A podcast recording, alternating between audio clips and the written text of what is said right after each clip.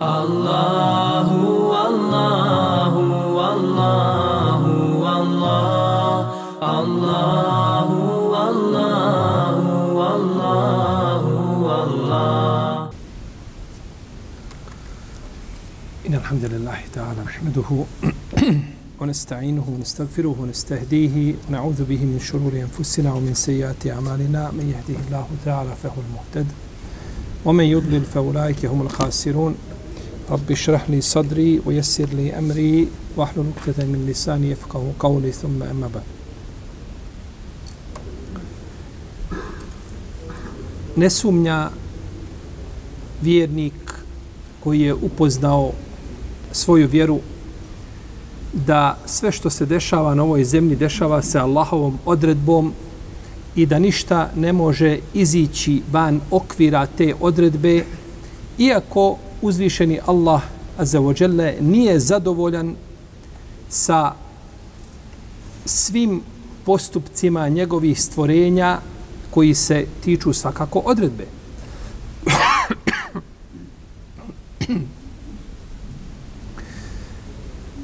Zapisao je uzvišeni Allah za ođele odredbu svojih stvorenja 50.000 godina prije stvaranja nebesa i zemlje. Kako došlo u hadisu kod imama muslima. Iz toga šta se god čovjeku desi, to ulazi u Allahovu odredbu. I mora biti zadovoljan tom odredbom, iako ne smije biti zadovoljan postupcima ljudi koji su suprotni Allahovoj šarijatskoj odredbi, a to je onome što je objavio svojim robovima i što traži od njih. Pa mi znamo šta uzvišeni Allah traži od nas, a ne znamo šta želi nama. Ne znamo šta će se dešavati. Pa smo dužni da postupamo shodno onome što uzvišeni Allah traži od nas, to jeste shodno objavi koju je objavio svojim poslanicima. I šta god da se čovjeku desi, na njemu je da osaburi i da kaže inna lillahi wa inna ilaihi rađium. Čovjek će vratiti se svome gospodaru kad tad. Međutim, odredba Allahova, ono što je odredio, mora se, mora se desiti. Na ovome dunjaluku nema nikakve garancije. U smislu da se nešto može ili ne može desiti. Jer je dunjaluk jedan poligon, jedan prolazni svijet od koga je, kako nas je obavijestio poslanik, sallallahu alaihi vseleme, ostalo, ostala su iskušenja i nedaće. To je dunjaluk. Ima na njemu dosta toga što je lijepo i dobro, Međutim, u osnovi Dunjaluk je polje nedaća i nevolja. I ne može se garantovati nikome da mu se neće desiti nešto što ne bi volio da se desi. Ta garancija ne postoji. Ma kakva god ti osiguranja da uzimao i kako god sebe pokušao osigura, osigurati, osiguranja i garancija nema pravi stvarni. To su nekakve nadoknade. Ali osiguranja nema garancija nema. Pa se može desiti i to da čovjek uđe u džamiju i da ubije skupinu vjernika. Može ili ne može? Može. Niko garantovati ne može stojati. Na ulici negdje da neko nekoga presretne pa da ga ovaj fizički napadne, da ga ubije, da mu ovaj ugrozi njegovu bezbjednost po tržnim centrima, po autobusnim stanicama. Nema nikakve garancije. To niko garantovati ne može. I do tog momenta to nije sporno. Jer ta, tu garanciju ne može niko dati. Kao što ne može niko dati garanciju da grom ne udari u jedno mjesto i ne ubije par ljudi. Ili ne najđe, ne, ne znam, tsunami ili nešto od nepogoda prirodni i da, da odnese ovaj sa sobom određene žrtve. Međutim, nas zanima kakav je naš odnos spram tih iskušenja i kako ćemo mi reagovati. E, to je ono što mi posjedujemo. I to je ono što je u našoj moći. I to je ono što možemo kontrolisati. I to je ono što mu možemo dati njegovu pravu. Pa je ta reakcija od ljudi jako bitna. U protivnom, neće se dati pravo a, pravdi. Neće se udovoljiti pravdi. Nakon ovih nemilih događaja ili nemilog događaja koji se desio na Novom Zelandu prije par dana,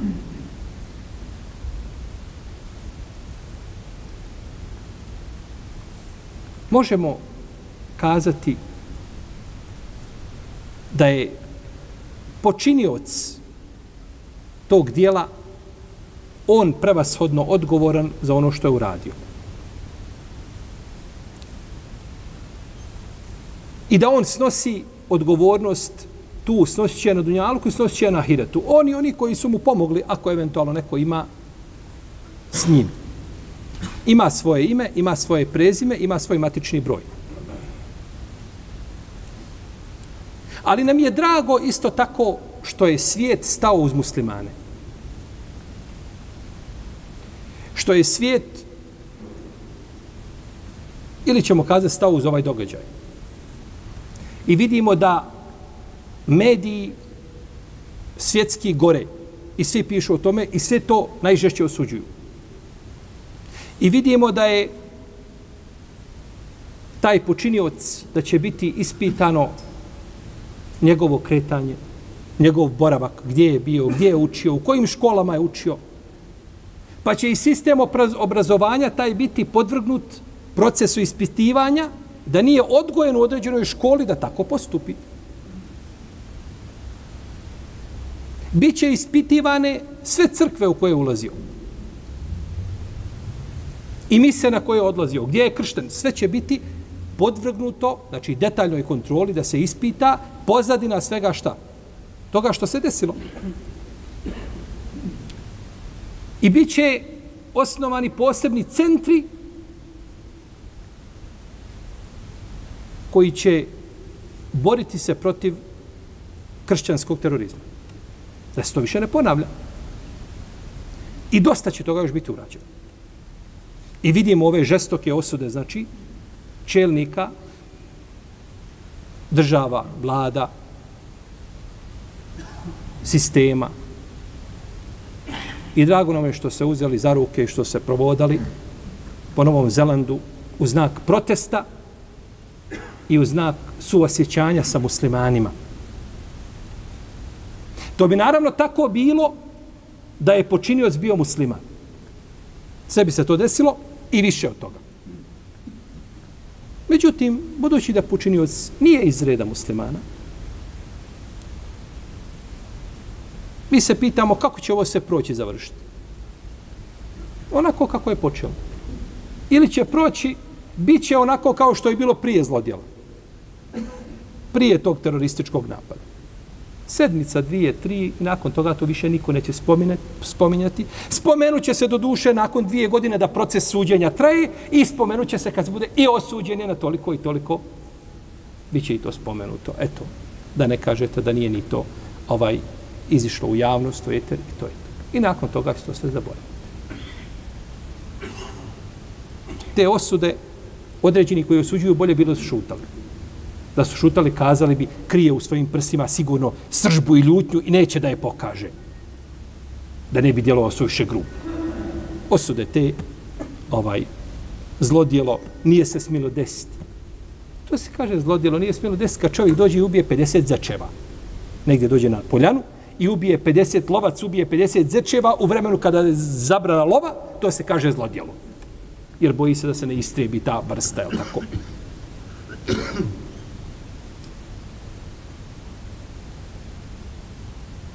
Pa je jedno i žalosno kada vidimo u kakvom su stanju i halu muslimani općenito. Naravno, ima jedna parola koja je postala puka istina koju se ne može pregovoriti, koju batil ne može prići ni sprijeda ni straga, a to je da nisu svi muslimani teroristi. Ali su svi muslimani iz reda teroristi. Ili ali su svi teroristi iz reda muslimana. Nisu svi muslimani teroristi, ali su svi teroristi od muslimana. I naravno ta parola, ona je, ona je rođena 11. septembra 2001. Proživjela je svoje djetinstvo, svoj pubertet. Evo, za kratko će biti punoljetna. Znači, Već 18 godina. Za, uskoro će se oženiti, udat, dobit će i porod. Pa će, znači, ta širice, se, tako, ta grana, bit će ta parola, imaće svojih različitih verzija, ali će se sve saspati u kalup da su muslimani opasnost. I to je istina kojoj se ne može prigovoriti. Pokušajte nekoga objeti da nije tako. Međutim, stvarnost svjedoči suprotno tome. Brevik, koliko je ljudi ubio? 70, 80. Sad, eto, cifre. Bitni su, mislim, cifre nisu bitne. 60 ili 80, to je zločin. To je terorizam. Lubic, onaj, onaj pilot, srušio je avion namjerno, ubio 150 ljudi, odio u smrt. Pedok, kada je sa, u Las Vegasu, kada je pucao sa prozora, kada je ubio one ljude, kozečeve na, na festivalu, tako, ubio 60 ljudi, preko stotinu ranio,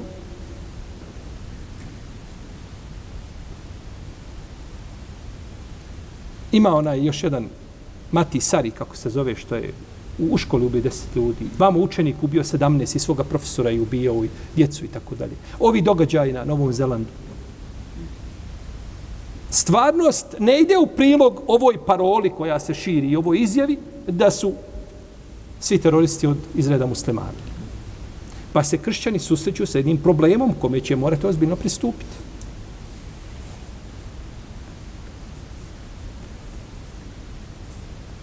I morat će biti malo kategoričniji kada je u pitanju zaustavljanje tog terorizma. Svog.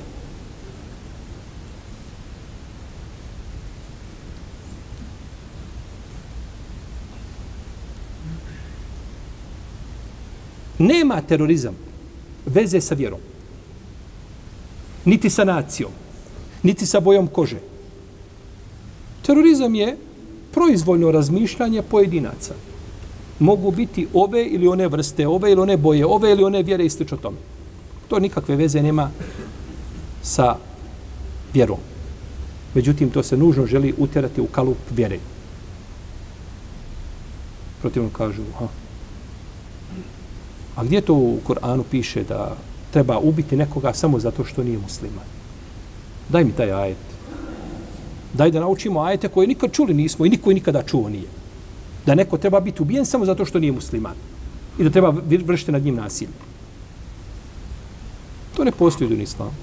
Naprotiv, kod nas je parola men katele nefsen, bi gajri nefsin, feke nema katele nas džemijan. Ko ubije nevinu osobu kao da je sve ljude na zemlji poubijao.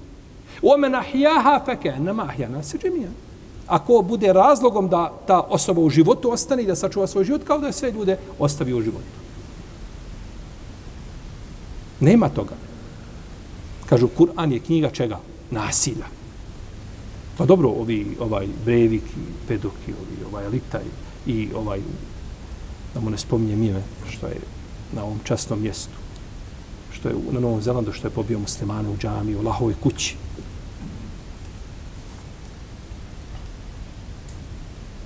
Može zamisliti da je musliman ušao u crkvu i pobio 50 kršćana. ne bi smio musliman u kršćanskoj zemlji izaći na namaz da klanja. Ne bi smio, a što ako ima nekakvo obližje islama na sebi.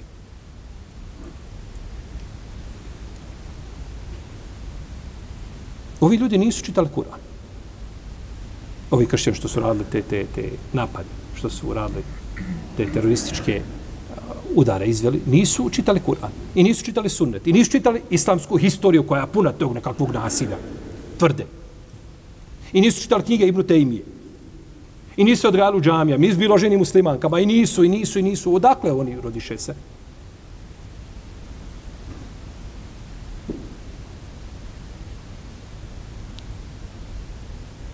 Rade i ohrabruju ove ti njihovi koji malkice imaju hrabrosti, ohrabruju ove što se sakrivaju ko miševi po rupama. Pa kaže, on bi išao klati muslimana i išao bi silovati čerke njegove. Jer to mu je dalo vjetar u leđa, tako, ako ovaj može ubiti. 50 ljudi, pa mogu ja stara jednom imama, nije imam ne dodirim, je tako? I onda se bude on, je tako, ko virusi, kad dobije malo vlage, probudi se.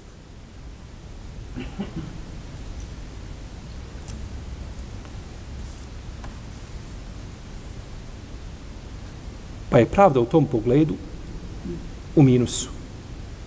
Tebe važe vagom za zlato. Vaga za zlato. Miligrami. A sebe kad važe, vagne se nekakvom vagom, onom, zastarjela, one, one poluge se pohrđale unutra, one federi. On ima 60 kila, on sebe vagne, ima 10. Tebe važe u miligram, a kod njega može proći svega i svačega.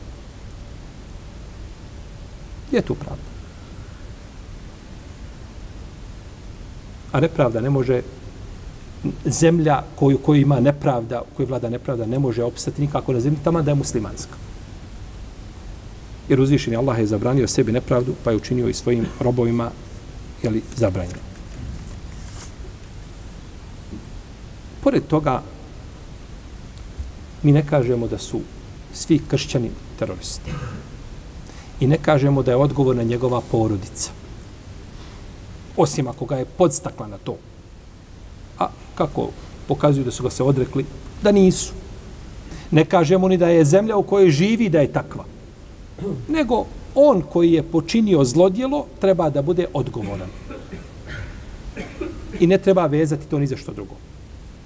Ali se treba, treba svoj glas dići i treba se boriti protiv toga da se to ne ponovi.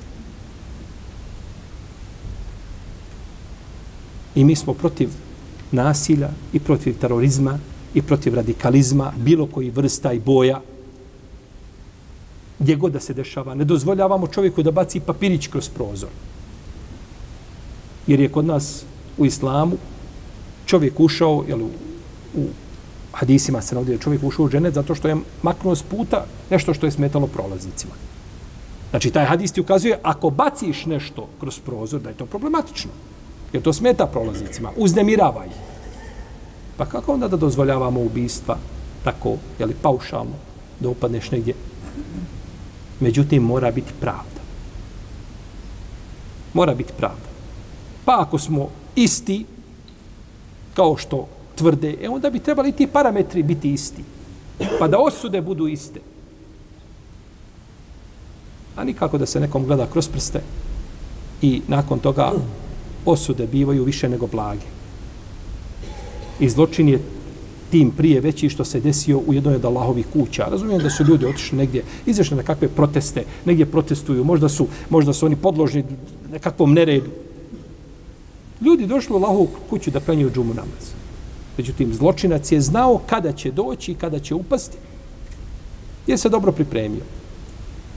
A uz to je sve imao, tako? I ovaj, bodrile su ga tako pjesme koje spjevavaju oni koji razmišljaju kao i on. Nema Allah za da zaštiti muslimani gdje god da bili. Da sačuva zla i da nas pouči našoj vjeri sunetu poslanika sallallahu sallam i da budemo oni koji će širiti svjetlom kojim, kojim je došao Rasulullah sallallahu alaihi wa sallam. Mi smo u zadnjem predavanju završili 200, 300, 212. ajet.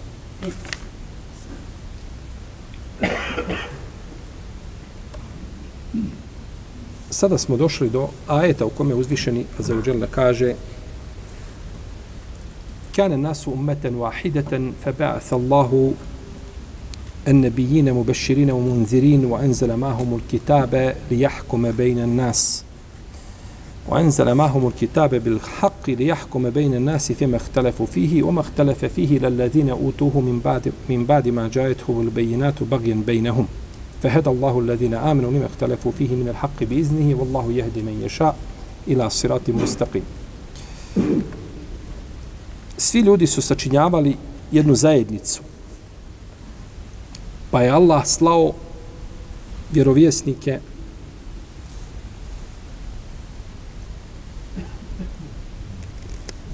da radosne vijesti donose i opominju. I po njima je slao knjigu sa istinom da po njoj sudi ljudima u onome u čemu se oni razilaziše. A o njoj su se iz međusobne zavisti razišli samo oni kojima je ona data. I to nakon što su im došli jasni dokazi. Zatim je Allah svojom dozvolom uputio ka istini o kojoj se oni razišli one koji vjeruju, a Allah upućuje na pravi put onoga koga želi. Kane nas ummeten wahidatan. Ljudi su bili jedan ummet. Misli se bili su jedne vjere. Kaže Ubej ibn Kjab ibn Zaid, misli se ovdje na Adem, ali i sanam.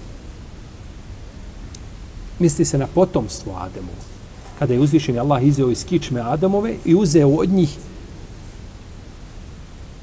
ugovor, zavjet, kada je rekao šta? Elestu bi rabbikom. Zar ja nisam vaš gospodar? Kažu, to se misli na, na njih. Dok kaže Mujahid, ovdje se misli na Adama. Na Adama se misli zato što je Adem osnova čovječanstva. Pa budući da je osnova, onda je on nazvan da je on šta? Bili su ljudi. Je tako.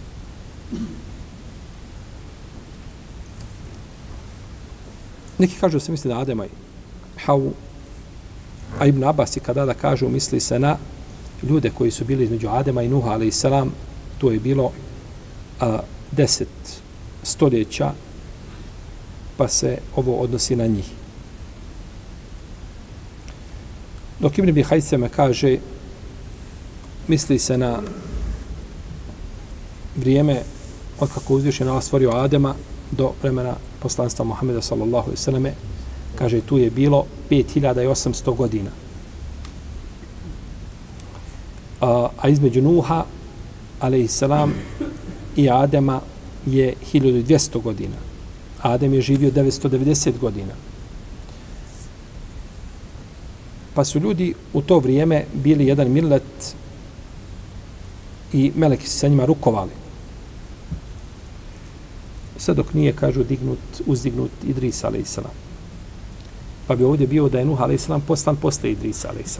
Međutim, to je problematično. Idris je došao posle Nuha, a nije prije Nuha. To je ispravnije mišljenje. A, jer će ljudi na sudnjem danu dolaziti, kako došlo u hadisima, Nuhu, ali se vam kazati, ti si prvi poslanik koji je poslan ljudima. Adem je bio vjerovjesnik.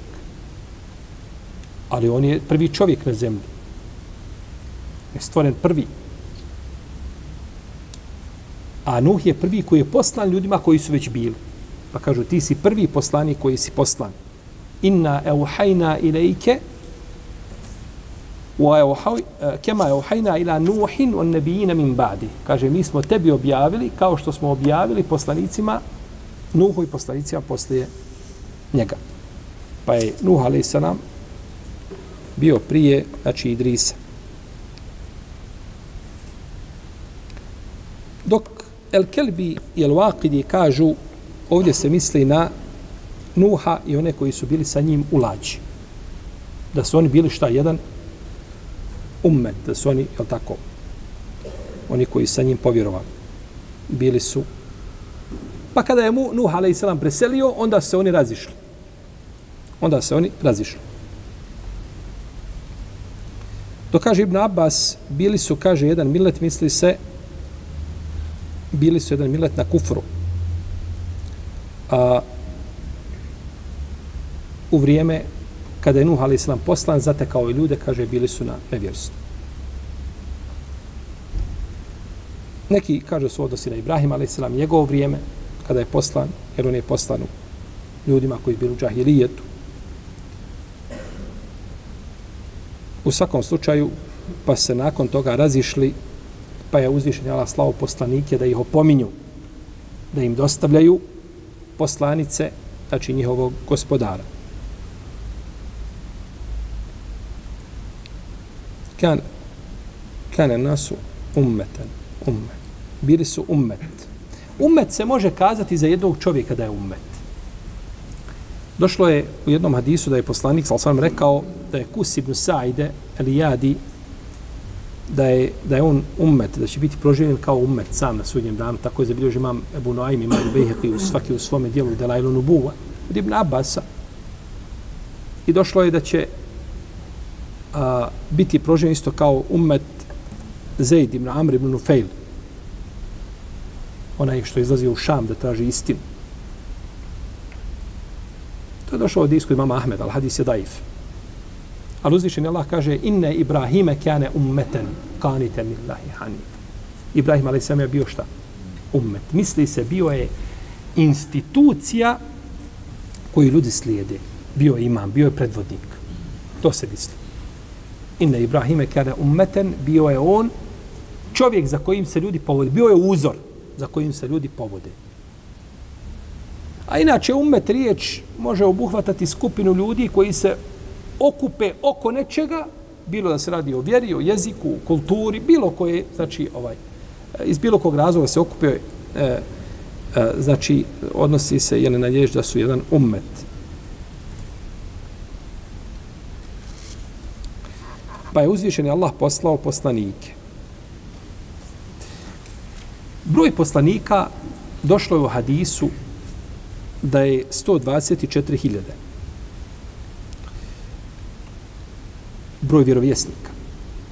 A broj poslanika da je 313. Tako je došlo u hadisu Ebu Zera kod imama, bilježi ga imam Ela Džurri, bilježi ga također imam Ibro Hibban, ali je hadis ovaj problematičan. On je, on je neispravan. Ima drugi rivajet od, od Ebu Umame, za koga je šeha Albani rekao da je ispravan. Da je ispravan, a u njemu stoji da je broj poslanika 124.000, a da je broj prosto vjerovjesnika. A da je broj poslanika 315. Jer broj vjerovjesnika je veći od broja koga? Poslanika. Broj vjerovjesnika je veći od broja poslanika.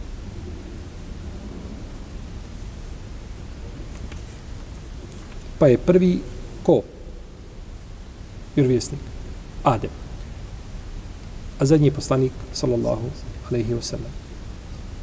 Došla su dva hadisa u ovom kontekstu, znači koji govore o broju vjerovjesnika 124.000 i broju poslanika 315, ima negdje 310 i nešto, ima negdje 313 se spominje.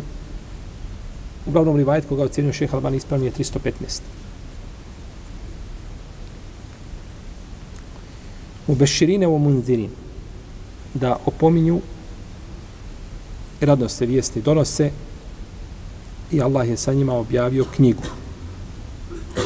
Objavio je knjigu, misli se objavio je knjige.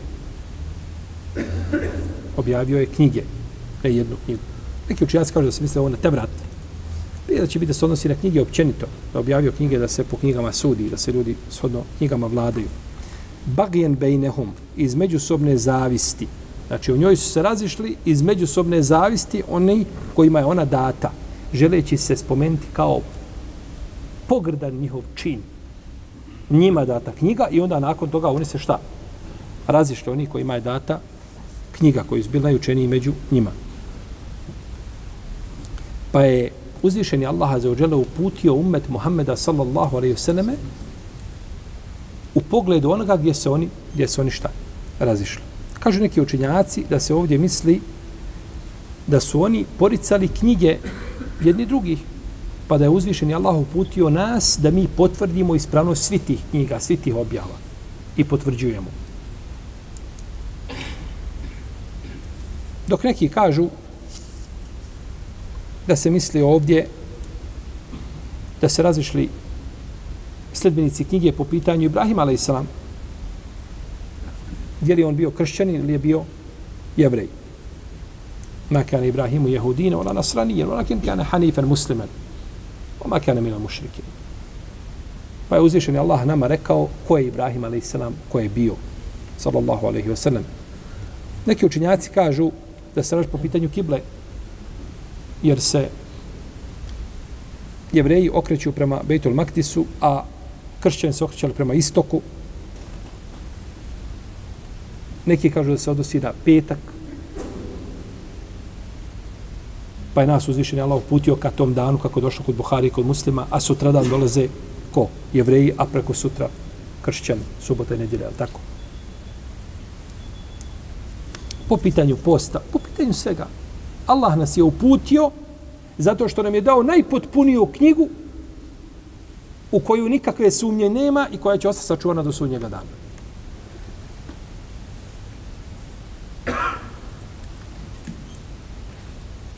Wallahu jehdi men ješao ila sirati mustaqim. Allah upućuje koga želi na pravi put. I ome je odgovor, odgovor mo, motezilama koji kažu da čovjek sam on dolazi do upute. Nije to Allahov. To čovjek sam sobom. Što je krajnje problematično.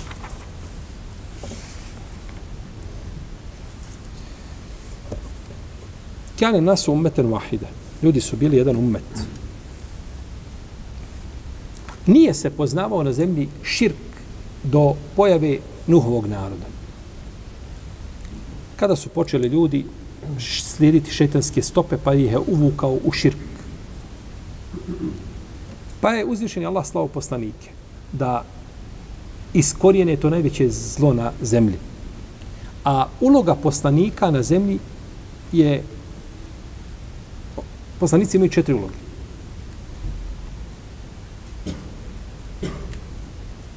Ila Allahi da'in. Wa bihi mu'arrifin.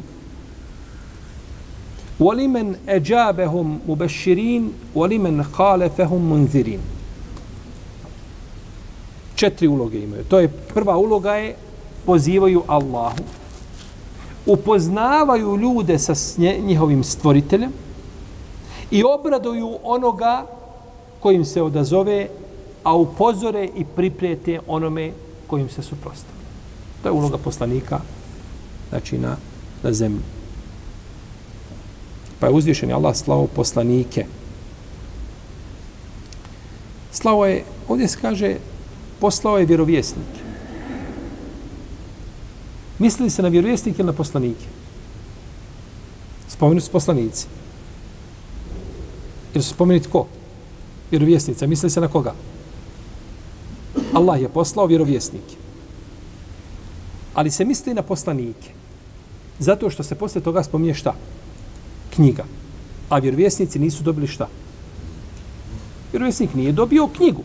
Vjerovjesnik je došao da potvrdi vjerozakonik prije njega poslanika prije njega ili tamo negdje u lancu prije svi vjerovjesnici što su došli potvrđivali su šta? Knjigu poslanika prije njega. Bilo da je direktno prije njega ili znači prije vremena nije bitno. Iako su poslanici, imate mišljenje da poslanik da, da je da je ovaj to je definitivno ispravno da je poslanik čovjek koji je dobio knjigu. Ali je problem kod vjerovjesnika. Da je vjerovjesnik čovjek koji je dobio objavu, ali nije bio zadužen da je prenosi. Nego je prenosio je svakako. Ali nije bio šta time striktno obavezan. Da je to definicija koga? Ili da je to razlika između vjerovjesnika i poslanika. Međutim, ta, ta konstatacija neće stojati. Zato što je došlo u hadisu koga bilježi imam muslim od Ibn Amra da je poslanik, sa osam rekao, nije, kaže Allah, ili nije bio poslanik, nije bio vjerovjesnik prije mene, a da nije bio dužan da upozori svoj umet i da im ukaže na ono što najbolje zna za njih i da ih upozori na najgore što zna da je po njih. Nije bio prije mene vjerovjesnik, a da nije bio dužan. Znači, bio je dužan šta da? Da govori ljudima. Bio je dužan da govori ljudima. Pa je vjerovjesnik isto tako zadužen prenošenjem, međutim vjerovjesnik nema svoju lično objavu. Mislimo na knjigu. Nema svoj vjerozakonik. Tu je razlika, naj, najveća razlika između poslanika i vjerovjesnika. Pa dolazak vjerovjesnika on iskorjenjuje razilaženja među ljudima. Arape ništa nije moglo ujediniti do objava. Oni u kakvom su paganstvu živjeli, i zbog čega su se ljudi ubijali i ka, zbog čega su ovaj ratovali i jedni druge ugnjetavali i da nakon toga postanu braća. Da je neko pričao ovaj da će postati braća iz tih plemena različiti, da će neko od njih biti spreman da da pola svoga imetka svome bratu, to bi ovaj sve bi moglo biti prihvatljivije nego takva tvrdnja. Pa je ujedinila objava. I što se dalje muslimani udaljuju od objave, toliko, me, u toliko među njima ha, biva među njima biva žešće. Što se više udaljimo, što se više približimo objavi, bivamo jači i čvršći, bivamo jedno tijelo. Što se više udaljimo od objave, ratujemo jedni protiv drugih, ubijamo jedni druge i slično to. Pa su došli poslanici, znači da sude po istini. A poslanici obavještavaju iz izvora poslanstva. Došli su vjerovjesnici koji govore. I nemoguće je da jedan kaže jedno, da drugi dođe i da to porekne. Nego se, znači, samo razilaze njihova, njihovi vjerozakonici, a ubjeđenja su ista. I nisu se razišli oko nje osim oni kojima je knjiga data. Nisu se razišli osim oni koji, kojima je knjiga data.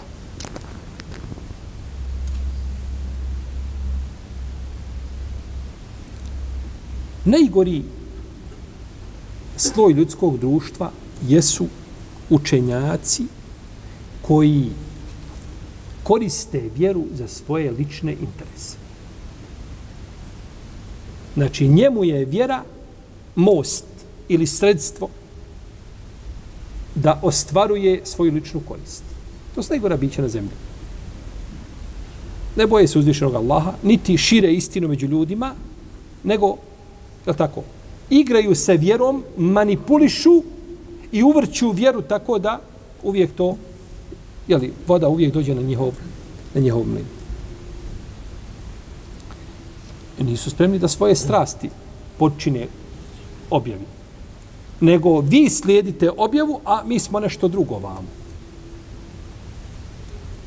I to je tako bilo kod priješnjih naroda. Za razliku od ovoga umeta, gdje ulema predstavlja najbolji stoj društva. Jer su nasljednici poslanika Muhammeda sallallahu alaihi wasallam. I danas ljudi nisu potrebni samo znanja učenjaka nego su potrebni koliko znanja potrebni su i edeba i ahlaka učenjaka. Znači da uči i edeb, jer edeb nije ništa manji, manje vrijedan i manje potreban učenik od znanja.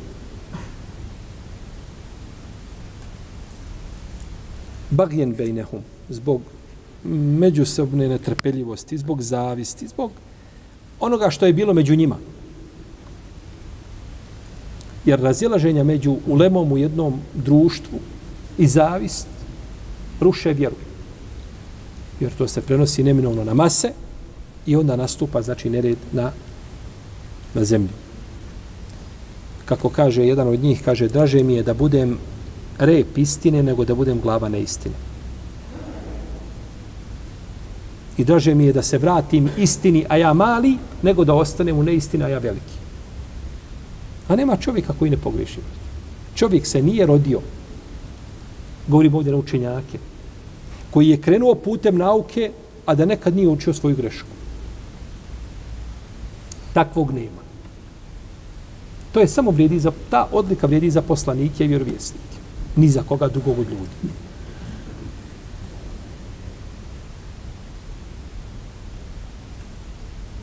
Međutim, to ne smije biti razlog da se učenjaci mrze, da se preziru.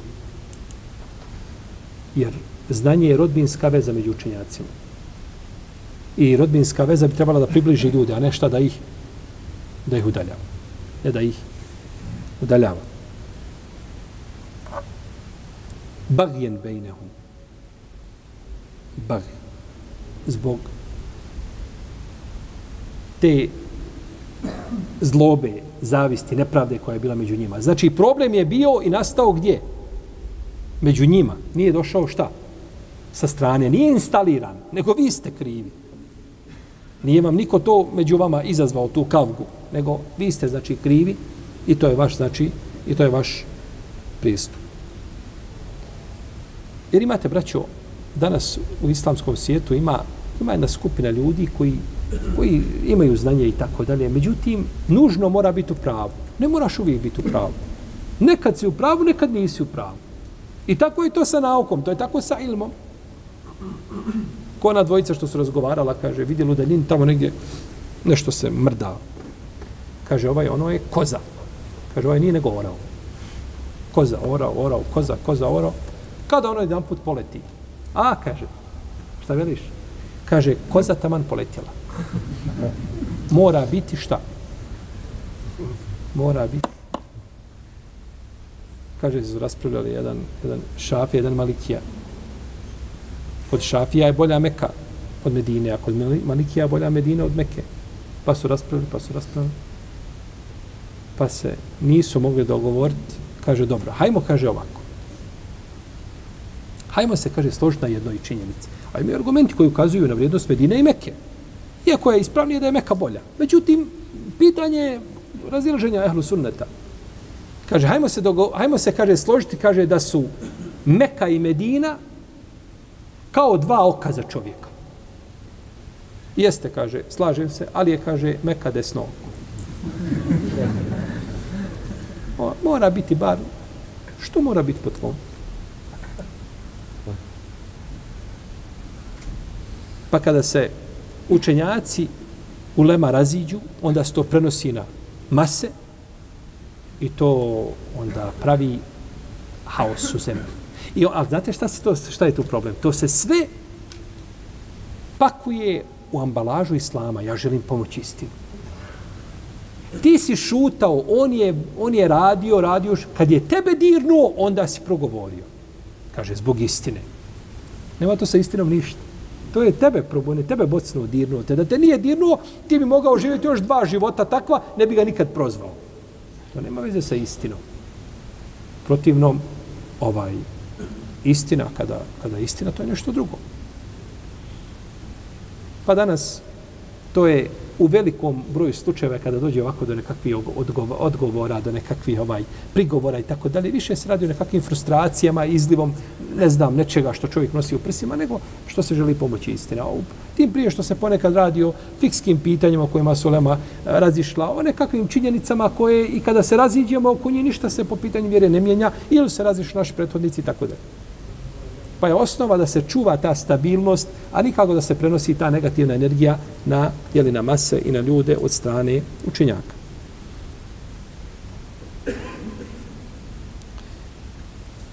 Potom kaže uzvišeni Allah za uđel, Em hasibtu men tedhulu l'đennete, walemma je'tikum metharu l'ladine khalao min qablikum, مسيتهم البأساء والضراء وزلزلوا حتى يكون الرسول والذين آمنوا معه متى نصر الله ألا إن نصر الله karibun. Zar mislite da ćete ući u dženneta još niste iskusili ono što su iskusili oni koji su prije vas bili?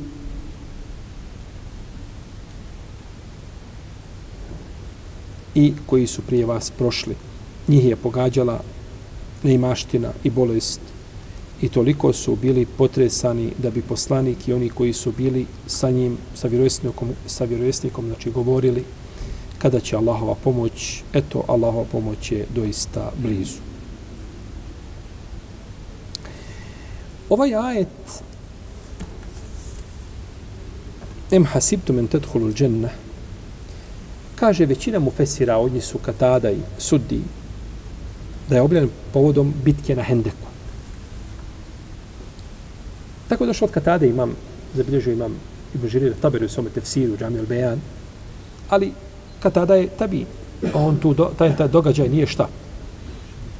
Definitivno, nije ga doživio, pa je lanas prenoslaca tu, znači, valičan, prekinut je. Kažu da je, da su, ovaj, da je bio na dan, da je poslanika, sa osvijem, pogodila tolika, a, toliko iskušenje, da su bili opkoljeni, a, da je bilo, kako uzvišen Allah opisao, u belegatil kulubul hanađir. I da je njihova srca da su dolazila do, do ključnih kosti. Možete zamisliti najbolju generaciju muslimana, lavove. To su bili sve lavo, lav do lava. Međutim, takvo je stanje bilo da hoće srce da ti iskoči iz prsa. Koliko su bili u zilu i bili su potresani uzdrmavani. Pa da bi govorio poslanik i oni koji, kad će, kad će Allahova pomoć?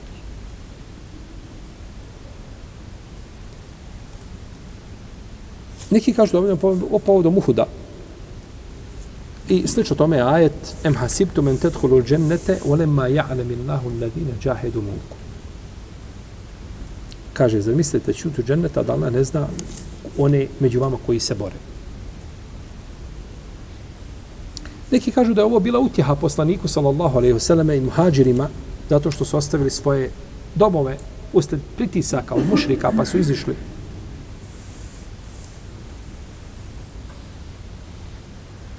Zar mislite da ćete ući u dženeta da vas ne pogodi ono što je pogodilo one prije vas? Poslaniku sallallahu u Mekke objavljena sura Jusuf. U Mekki si odmah dobio Allahov poslaniće ovaj, šta te čeka? Jusuf ali sada prolazio kroz iskušenja, ti si najbolji poslanik i prolaziš još kroz veća iskušenja. I nema poslanika da je više iskušan od našeg poslanika Muhameda sallallahu alaihi wasallam. Kaže Wahab ibn Munebih, kaže između Tajfa i Mekke ima ukopano je 70 poslanika. Umrli su, kaže, usled gladi i krpelja. Nekad su krpeli bili po ljudima, kao što danas imaju nekakve ovaj, ovaj, ospice i slično tome, pa ljudi umiru, tako je nekad bilo od krpelja umirali su ljudi. Nekad je bilo teško održavati higijenu zbog ovaj, putovanja, nestašice vode i slično tome. Pa su ljudi umirali često. I to spominje ti problemi sa krpeljima, spominje određenim hadisima i tako dalje. A, međutim, ova predaja od ibn Munebiha, ha, problematična sama po sebi ona, ona je ovako čudna, je li tako? Tim prije što ovo je, znači, nema, e, nema, ni, ni, nema načina da, je, da, da to spojimo sa poslanikom, sallallahu alaihi wa sallam.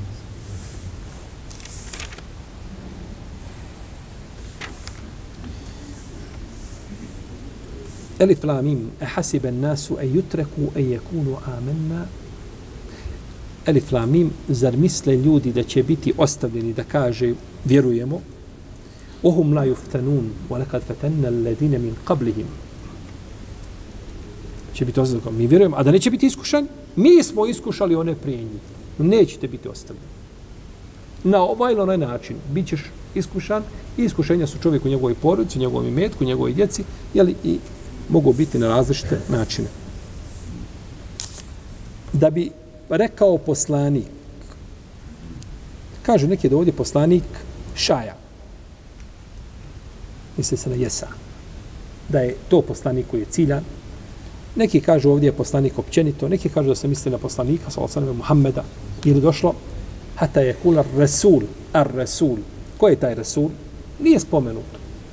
Može biti da je Resul, da je to svaki poslanik bio tako iskušavan, Pa svaki poslanik svome narodu tako govorio. A može biti destina na određenog poslanika koji šta nije spomenut, pa može, može između toga biti koji naš poslanik, sallallahu alaihi wasallam.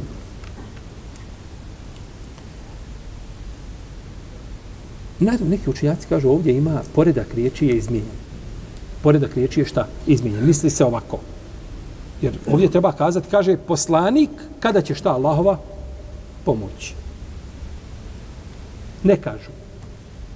Dok ne budu kazali oni koji vjeruju kada će Allahu pomoć, a poslanik kaže šta?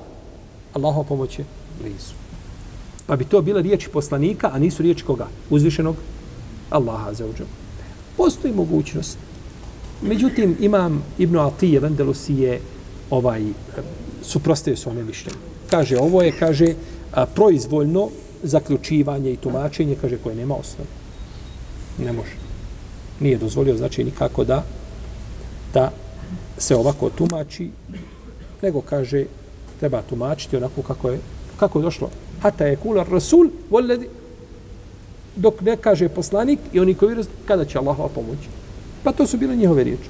To je bilo iskušenja, su braće bila velika, znači Allahovim poslanicima. Kada će Allahova pomoć? Ela inna nasr Allahe karib.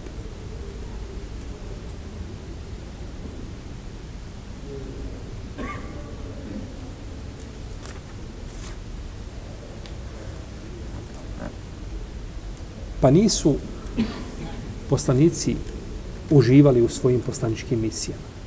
Nije im bilo jednostavno. Međutim, uvijek na kraju pobjeda bude kome? Poslanicima i njihovim sledbenicima. Poslanici su bili svi iskušavani iako su bili najbolji ljudi. A uzvišeni Allah iskušava ljude s odno stepenu šta njihovog ima. Pa budući da su bili najbolji, oni su oni mogu podnijeti najveća iskušenja. Drugi to ne mogu podnijeti. Kada je otišao Ebu Sufjan kod Herakla, kako došlo kod Buhari i kod muslima, pitao ga je Heraklu, kako je to, objasnim. Herakl bio pametan. Herakli je pitao pitanja na osnovu koji će znati o čemu se radi. Kaže, reci mi, kaže, ratujete li protiv njega? Ratujemo. A kako, kaže, biva taj rat među vama? Pa kaže, nekad on nas pobjedi, nekad mi njega. Neizmjenično. Nekad ovako, nekad onako. Pa poduži hadis, kaže nakon toga Herakl, i pitao sam te, kaže, da li se borite protiv njega? I kazao si da se borite. I pitao sam kakav je rezultat te borbe, rekao si, a, nekad ovako, nekad onako. Kaže, upravo je tako sa poslanicima. Kaže, bivaju iskušavani, kaže, ali konačnica biva njima. To što vi ponekad dobijete, to nije dokaz da ćete vi, opet je poslanik nakon toga oslobodio Meku i raširio pravdu po zemlji i otišao sa ovoga Dunjaluka i ostavio najbolju generaciju i najčišću generaciju za sebe. Pa je konačnica bila njemu i onima koji su ga slijedili. Ali to ne isključuje da ćeš unutar te misije biti šta? Žestoko potresan i da ćeš biti šta? Iskušavan. Tako i vjernik. Živiš, prolaziš svega isto čega. Neko više, neko manje. Neko ovako, neko onako. Ponekad gledate čovjeka, kaže, ja rab, ovoga insana, subhanallah. Taj insan što ti kažeš subhanallah i kome se ti diviš, on bi volio tvoj jedan dan da živi nego cijeli svoj život što je problem. Ne znaš u kakvim je on mukama i kakvim je nedaćama.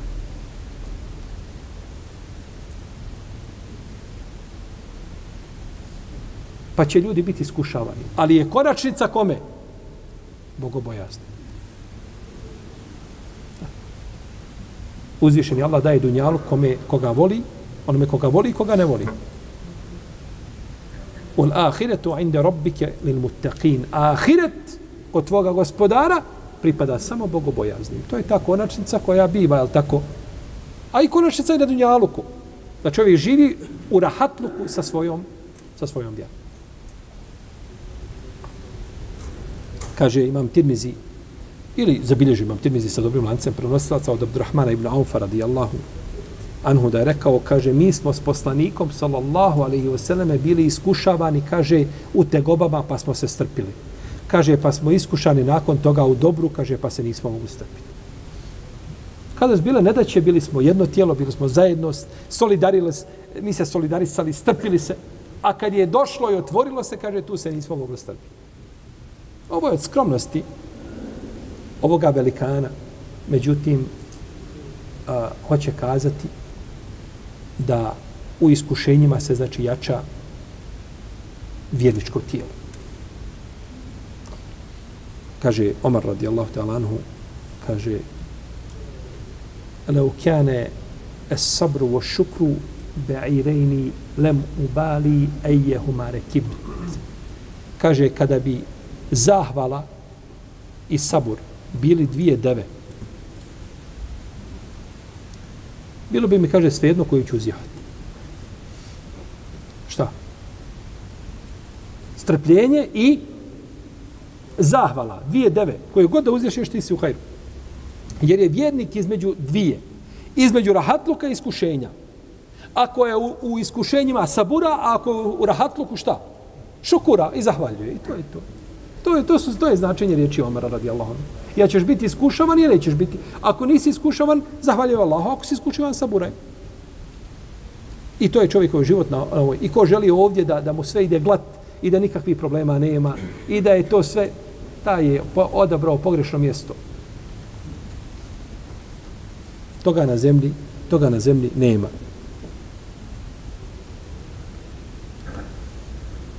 Uzvišen je Allah Azzuršal spominje u Kur'anu jedan čudan ajet. Pa kaže Illa tensuruhu fekad nasrehu Allah. إذ أخرجه الذين كفروا ثاني اثنين إذ هما في الغار إذ يقول لصاحبه لا تحزن إن الله معنا Kaže, ako ga vi ne pomognete, pa Allah ga je pomogao. Kada su ga istirali oni koji ne vjeruju, kada je bio on u pećini njegov drug, kada je rekao svome drugu, ne žalosti se, kaže, Allah je sa nama. Allah ga je pomogao. Gdje ga je pomogao? U pećini. To pomoć? U pećini ne smiješ progovoriti, ne smiješ disati kako treba, jer da glavu samo spusti vidio bi nas, potjera, da su i tu našli, tu bi bio kraj. To pomoć? Tako pomoć? E, to je pomoć. Zato što su početci pomoći pomoći Jer će rezultirati čime? Pa se čovjek već raduje unaprijed. Pogledajte i usfale i selam. Kaže uzvišeni Allah za uđel, وقال الذي اشتراه من مصر لامرأته أكرمي مثواه عسى أن ينفعنا أو نتخذه ولدا وكذلك مكنا ليوسف في الأرض I reče onaj što ga je kupio iz Misira, svojoj ženi kaže, učini mu, kaže, boravak prijatnim. Kaže, može nam koristi, a možemo ga, kaže, i posiniti. Kaže uzvišen Allah, i tako smo Jusufa učvrstili na zemlji. Šta se dešava posle toga? spletke Ogalekatil ebuabe okalet hejtele kale maaz Allah sa ženom to što se dešavalo pa nakon toga u zatvor robbi siđnu je habu ilaje mimma jed'unani ilaihi pa u zatvor vele bi se fi siđni bida sinin pa je proveo u zatvoru nekoliko godina osuđen i u tamnicu bačen a prije se toga spominje šta? Šta? Učvršćenje na zemlji. Pa gdje je to učvršćenje? Sami dolazak njegov na to mjesto. I to što je ušao u srce svoga vlasnika, to je bio vid to su bili to su bili početci učvršćenja i nakon toga kaže qala ja'alni ala khazain al-ard inni hafizun alim. Kaže učini me da budem odgovoran za stovarišta u zemlji. Ja sam taj koji znam čuvati i ja sam učen i onda kaže uzvišeno nakon toga wa kadhalika makanna li Jusufa fil ard i tako smo Jusufa učvrstili na zemlji drugi put ponavlja prvo učvršćenje je bilo šta to što je ušao u srce svoga vlasnika i što ga je zavolio i to sve već bili si, jeste nakon toga bilo iskušenja, ma bilo iskušenja svim poslanicima. Pa i našem poslaniku, sa osrame, pa uzvišeno Allah kaže, ha, u pećini, da te je pomogao. Jer nakon toga dolazi jedan proces, ima dug, međutim, konačnica biva tebi. To je tako sa poslanicima. Salavatu Rabbi wa salam alabi. Nastavit u narodom pitanju. Allah ta'ala wa salli Allah wa wa ala alihi wa sahabi. Allahu, Allahu, Allahu, Allahu.